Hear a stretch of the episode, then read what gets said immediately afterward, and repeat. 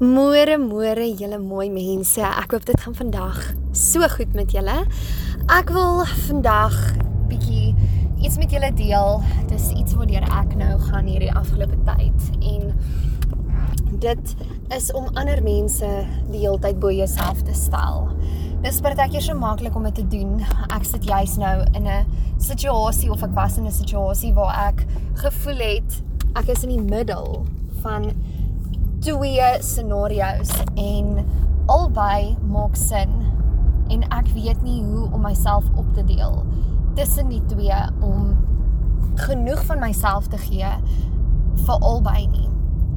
En partykeer is dit moeilik om te onderskei tussen wanneer moet jy iemand anders kies of wanneer moet jy jouself kies? En dis eintlik so belangrik om onderskeid te tref tot tot tussen want jy gaan op 'n punt kom waar jy voel jy kan net nie meer hierdie doen nie. Jy kan net nie meer jouself gee as jy niks het om te gee nie, want jy gee niks vir jouself terug nie of niks kom terug na jou toe nie. So jy het nie genoeg om te gee nie en dan brand jy jouself so uit dat jy 'n ander mens word. Jy weet nie meer hoe cope as ek dit sou kan sê met jou alledaagse take nie. Jy weet nie hoe om onder stres um te kan oorleef nie. Maar dis alles omdat jy nie tyd maak vir jouself waar jy kan net sit en dink aan dit wat jy wil hê, dit wat jy wil doen, dit wat wat is wat maak jou gelukkig, nie wat maak almal om jou die altyd gelukkig nie.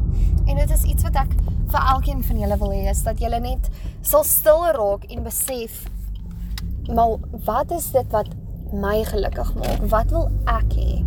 Hoekom doen ek hierdie? Hoekom maak ek hierdie keuse? Is dit vir my of is dit vir iemand anders? En wanneer jy daai onderskeid kan tref, dan gaan dinge soveel makliker word. Want jy gaan besef hoorie ek moet myself eers stel in hierdie scenario. Ek moet myself eers stel in hierdie omstandigheid. Want jou eie jou eie hoe kan ek sê mens wees is soveel meer belangrik want ander mense gaan aan met hulle lewens. Hulle gaan aan en hulle hulle vind 'n manier om te cope daarmee, maar jy moet fokus op jouself.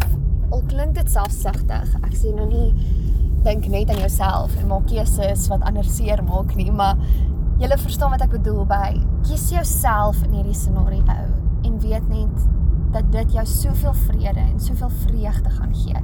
So ek hoop dit het iets vir julle beteken. Dit is 'n werklike lewenssituasie wat ek gedeel het met julle wat ek hierdie afgelope week deur gegaan het. So ek hoop regtig dat dit iets vir julle beteken het of kon beteken en dat julle iets hier uit kon neem.